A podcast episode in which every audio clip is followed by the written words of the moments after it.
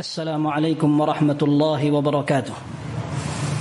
إن الحمد لله نحمده ونستعينه ونستغفره ونعوذ بالله من شرور أنفسنا ومن سيئات أعمالنا. من يهد الله فلا مضل له ومن يضلل فلا هادي له. وأشهد أن لا إله إلا الله وحده لا شريك له. وأشهد أن محمدا عبده ورسوله صلى الله وسلم وبارك عليه وعلى آله وأصحابه ومن تبع هداه إلى يوم القيامة. يا أيها الذين آمنوا اتقوا الله حق تقاته ولا تموتن إلا وأنتم مسلمون. يا أيها الناس اتقوا ربكم الذي خلقكم من نفس واحدة وخلق منها زوجها وبث منهما رجالا كثيرا ونساء. واتقوا الله الذي تساءلون به والأرحام. إن الله كان عليكم رقيبا. يا أيها الذين آمنوا اتقوا الله وقولوا قولا سديدا. يصلح لكم أعمالكم ويغفر لكم ذنوبكم. ومن يطع الله ورسوله فقد فاز فوزا عظيما. أما بعد. Sidang Jum'ah rahimana wa rahimakumullah. Di dalam Sahih Bukhari dari istri Rasulullah sallallahu alaihi wasallam yang paling dicintai, Aisyah radhiyallahu anha, As-Siddiqah binti Siddiq radhiyallahu anhuma. Beliau menceritakan tentang kejadian yang merupakan sejarah kesedihan kaum muslimin yaitu kisah wafatnya Rasulullah sallallahu alaihi wasallam. Dalam hadis itu Abu Bakar radhiyallahu anhu yang tinggal di luar Masjid Nabawi atau jauh dari Masjid Nabawi. Beliau akhirnya mendengar berita kemudian segera hadir ke rumah Rasulullah sallallahu alaihi wasallam yang pada saat itu dirawat di rumah anak perempuannya Aisyah radhiyallahu anha. Aqbala Abu Bakr ala farasihi min maskanihi bisunh. Abu Bakar radhiyallahu anhu datang dari pemukimannya di kota Sunh Para ulama mengatakan bahwa daerah Sunnah adalah daerah awali di daerah kiblat Masjid Nabawi sekarang. Kemudian beliau turun dari tunggangannya. Fadakhala al-masjid falam yukallim ahada. Beliau turun dari tunggangannya, masuk masjid, tidak mengajak bicara kaum muslimin. Thumma dakhala ala Aisyah. Beliau masuk ke rumah Aisyah radhiyallahu anha fatayammama Rasulullah sallallahu alaihi wasallam. Kemudian Abu Bakar radhiyallahu an mendatangi Rasulullah sallallahu alaihi wasallam wa huwa musajjan bi burdin hibarah. Rasulullah sallallahu alaihi wasallam mukanya telah ditutup dengan pakaian dari Yaman. Fakashafahu. Maka Abu Bakar radhiyallahu anhu membuka kain itu. Thumma akabba alaih. Kemudian beliau memeluk Rasulullah sallallahu alaihi wasallam. Thumma baka Maka Abu Bakar menangis kemudian mengatakan, "Bi abi anta wa ummi ya Rasulullah, la yajma'u Allahu 'alaika al-mautatain. Amma al-mautatu alladhi kutibat 'alaika faqad muttaha." Ya Rasulullah, demi Allah, demi abi dan ibuku yang aku siap korbankan untukmu. Allah Subhanahu wa taala tidak akan mengumpulkan dua kematian kepada engkau. Kematian sebagai hak wajar seorang manusia telah engkau lewati. Setelah ini tidak ada kematian kembali. Kemudian diceritakan dalam Sahih Bukhari dari Ibn Abbas radhiyallahu anhuma kharaja Abu Bakr radhiyallahu anhu wa Umar yukallimun nas. Abu Bakar ketika datang Umar mengajak bicara kaum muslimin. Wallahi ma mata Rasulullah sallallahu alaihi wasallam. Demi Allah Rasulullah SAW belum mati wala yab'athannahu Allah hatta yaqta'a aydi rijalin wa arjulahum. Demi Allah Allah akan bangkitkan Rasulullah sallallahu alaihi wasallam kembali. Sampai Rasulullah sallallahu alaihi wasallam akan mematahkan tangan dan kaki orang-orang munafikin. Dan tidak ada yang berani untuk menegur Umar bin Khattab radhiyallahu an maka Abu Bakar mengatakan ijlis ya Umar duduklah ya Umar. Fa'aba Umar an yajlis. Umar tidak mau duduk. Fa saad al mimbar. Thumma tashahhad. Kemudian Abu Bakar radhiyallahu anhu naik mimbar. Kemudian memulai khutbahnya. Fa'aqbalan nasa ilaihi wa taraku Umar. Maka kaum muslimin berbondong-bondong untuk mendengarkan khutbah dari Abu Bakar radhiyallahu anhu. Orang yang melihat bagaimana Rasulullah sallallahu alaihi wasallam paling baru. Berita apa yang paling baru untuk dilihat. Kemudian Abu Bakar mengatakan, من كان يعبد محمدا فإن محمدا قد مات ومن كان يعبد الله فإن الله حي لا يموت. kemudian beliau mengatakan وما محمد إلا رسول قد خلت من قبله الرسل. أفإن مات أو قتل انقلبتم على أعقابكم ومن ينقلب على عقبيه فلن يضر الله شيئا. وسيجزي الله الشاكرين. beliau mengatakan barang siapa yang menyembah Muhammad Muhammadlah mati. Akan tetapi barang siapa yang menyembah Allah Subhanahu wa taala, Allah akan hidup terus, tidak akan mati. Kemudian beliau mengingatkan firman Allah, Muhammad bukanlah siapa-siapa kecuali seorang rasul yang sudah mati didahului oleh para rasul sebelumnya. Apakah apabila Muhammad mati kalian akan murtad? Barang siapa yang murtad, kembali dari agama Islam tidak akan merugikan Allah Subhanahu wa taala sama sekali dan Allah akan memberikan balasan orang-orang yang bersyukur.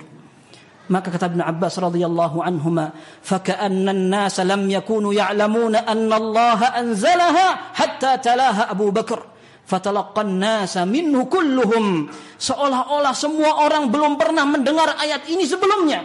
Sampai Abu Bakar membacanya, mereka baru tersadar. Ternyata memang ada firman Allah seperti ini. Akan tetapi karena saking besarnya musibah yang mereka rasakan, mereka sampai lupa dengan firman Allah itu. Sampai sebagian besar kaum muslimin mengikuti Abu Bakar dalam membaca firman Allah tadi. Ibn Abbas mengatakan, "Fama asma'u basharan minan nasi illa talaha." Semua orang membaca firman Allah itu.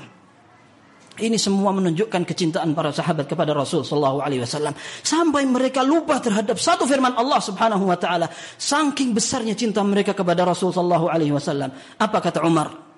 Wallahi ma huwa illa an sami'tu Abu Bakr talaha. فعقرت حتى ما تقلني رجلاي حتى أهويت إلى الأرض حين سمعت أبا بكر تلاها فعلمت أن النبي صلى الله عليه وسلم قد مات ketika aku telah mendengar Abu Bakar membaca firman Allah itu. Aku tersungkur. Bahkan kakiku tidak mampu, tidak kuat untuk menahan badanku. Sehingga aku pun jatuh ke atas tanah. Ketika aku mendengarkan Abu Bakar radhiyallahu anhu membacanya. Dan aku yakin bahwa ternyata Rasulullah sallallahu alaihi wasallam telah meninggal. Ini merupakan kisah nyata. Bagaimana para sahabat Saking cintanya kepada Rasul sallallahu alaihi wasallam, mereka sampai merasakan hal itu. Kata Anas bin Malik radhiyallahu anhu dalam riwayat Ahmad, "Wallahi syahidtuhu yauma dakhala al-Madinah, fama min yaumin ahsana wala adwa min yaumin dakhala alaina Rasulullah sallallahu alaihi wasallam. Aku menyaksikan Rasulullah sallallahu alaihi wasallam ketika masuk kota Madinah. Tidak ada hari yang lebih indah, tidak ada hari yang lebih terang daripada hari ketika Rasulullah sallallahu alaihi wasallam datang. Para sahabat keluar menyongsong kedatangan Rasulullah sallallahu alaihi wasallam. Wa syahidtu yauma mat, fama raaitu yauman aqbaha wala azlama min yaumin mata fihi Rasulullah sallallahu alaihi wasallam. Aku tidak pernah melihat hari yang paling paling buruk, hari yang paling kelam daripada hari ketika Rasulullah Shallallahu Alaihi Wasallam meninggal. Ini kecintaan mereka, sehingga kecintaan itu membuat mereka mengikuti semua gaya Rasulullah Shallallahu Alaihi Wasallam dalam ibadah maupun kebiasaan harian. Satu saat dalam Sunan Abi Dawud disebutkan dengan sanad yang sahih bainama kana Rasulullah sallallahu alaihi wasallam yusalli bi ashabihi. Ketika Rasulullah sallallahu alaihi wasallam memimpin salat bersama para sahabatnya. Idh wada'a yada idh wada'a na'laihi an yasarihi. Tiba-tiba beliau melepaskan sandalnya. Kemudian meletakkan dua sandalnya di arah kirinya. Falamma ra'a dzalika as-sahabatu alqaw ni'alahum. Ketika para sahabat melihat Rasulullah SAW melepaskan sandal, maka para sahabat melepaskan sandal mereka.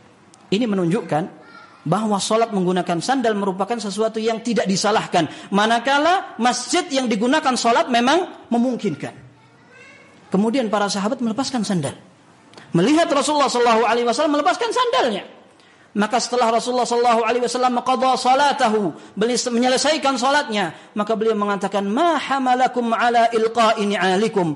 Apa yang menyebabkan kalian melepaskan sandal kalian?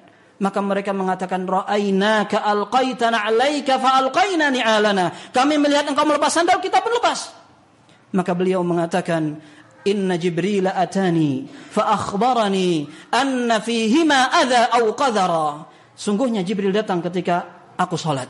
Kemudian memberitahuku bahwa di sandal itu ada kotoran atau ada najis. Sehingga beliau melepaskan sandalnya. Akan tetapi pelajarannya. Bagaimana para sahabat. Mereka melepaskan sandal tanpa melihat. Tanpa memandang. Tanpa mempertimbangkan. Apakah ada maslahatnya. Atau ada sebabnya. Atau itu mungkin cocok untuk saya atau tidak. Rasulullah SAW melakukan, mereka tinggalkan. Rasulullah SAW melaksanakan, mereka laksanakan. Rasulullah SAW tinggalkan, mereka tinggalkan. Ini merupakan salah satu contoh dalam ibadah dan ada sebuah adegan yang bukan merupakan ibadah. Termasuk di antara kebiasaan Rasul sallallahu alaihi wasallam. Dalam Sahih Bukhari disebutkan ittakhadhan nasu khataman min dhahabin aw fiddah. Satu saat Rasulullah sallallahu alaihi wasallam memakai cincin terbuat dari emas atau perak. Seorang rawi ragu apakah ini emas atau perak. Wa ja'ala fassahu min ma yali kaffah dan Rasulullah SAW sengaja menjadikan mata cincin itu terletak di dalam tangannya atau dekat dengan telapak tangannya. Fattakhadhan nasu khawatima min dhahab au fiddah. Maka para sahabat rame-rame ikut memakai cincin tersebut. Falamma ra'auhum labisuh ketika Rasulullah sallallahu alaihi wasallam melihat para sahabat ikut-ikutan memakai, maka beliau melepaskannya. Dalam riwayat beliau naik ke atas mimbar kemudian mengatakan la albasuhu abada, aku tidak akan memakainya kembali. Kemudian para sahabat alqau khatamahum, khawatimahum. Akhirnya mereka semua melepaskan cincinnya. Begitu melihat Rasulullah SAW melepaskan cincin, mereka semua lepaskan cincin mereka. Kemudian Rasulullah SAW kembali menggunakan cincin akan tapi dari perak. Kemudian para sahabat memakai kembali cincinnya dari perak. Bahkan dalam Sahih Muslim dari sahabat Ibn Abbas radhiyallahu anhuma ada seorang sahabat menggunakan cincin dari emas. Rasulullah Shallallahu Alaihi Wasallam melihat. Kemudian Rasulullah SAW tarik cincin itu. Kemudian beliau mengatakan, Ya'midu ahadukum ila jamratin minan nari fayaj'aluha fi yadih. Apakah kalian bisa sengaja mengambil bara api kemudian diletakkan di tangannya? Kemudian cincin itu dibuang oleh Rasulullah Shallallahu Alaihi Wasallam. Ketika Rasulullah Shallallahu Alaihi Wasallam telah pergi, orang-orang di sekitarnya mengatakan, "Khudh khatamaka bihi." Kamu ambil cincinnya, Engkau manfaatkan. Kamu bisa jual, kamu bisa berikan kepada keluarga perempuan. Beliau mengatakan la abada wa qad tarahahu Rasulullah sallallahu alaihi wasallam tidak.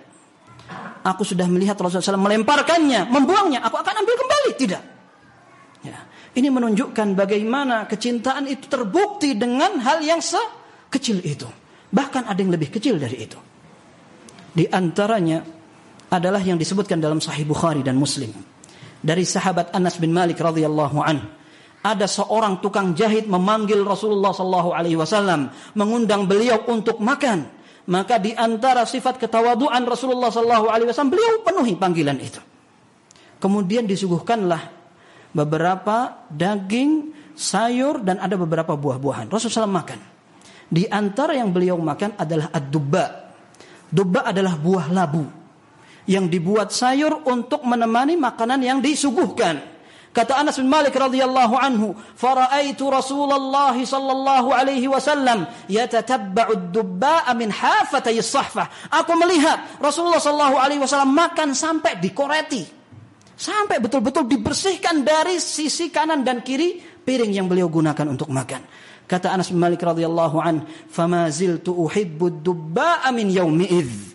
Aku masih mencintai dan menyukai makan dubba atau buah labu sejak aku melihat Rasulullah Shallallahu Alaihi Wasallam makan buah labu.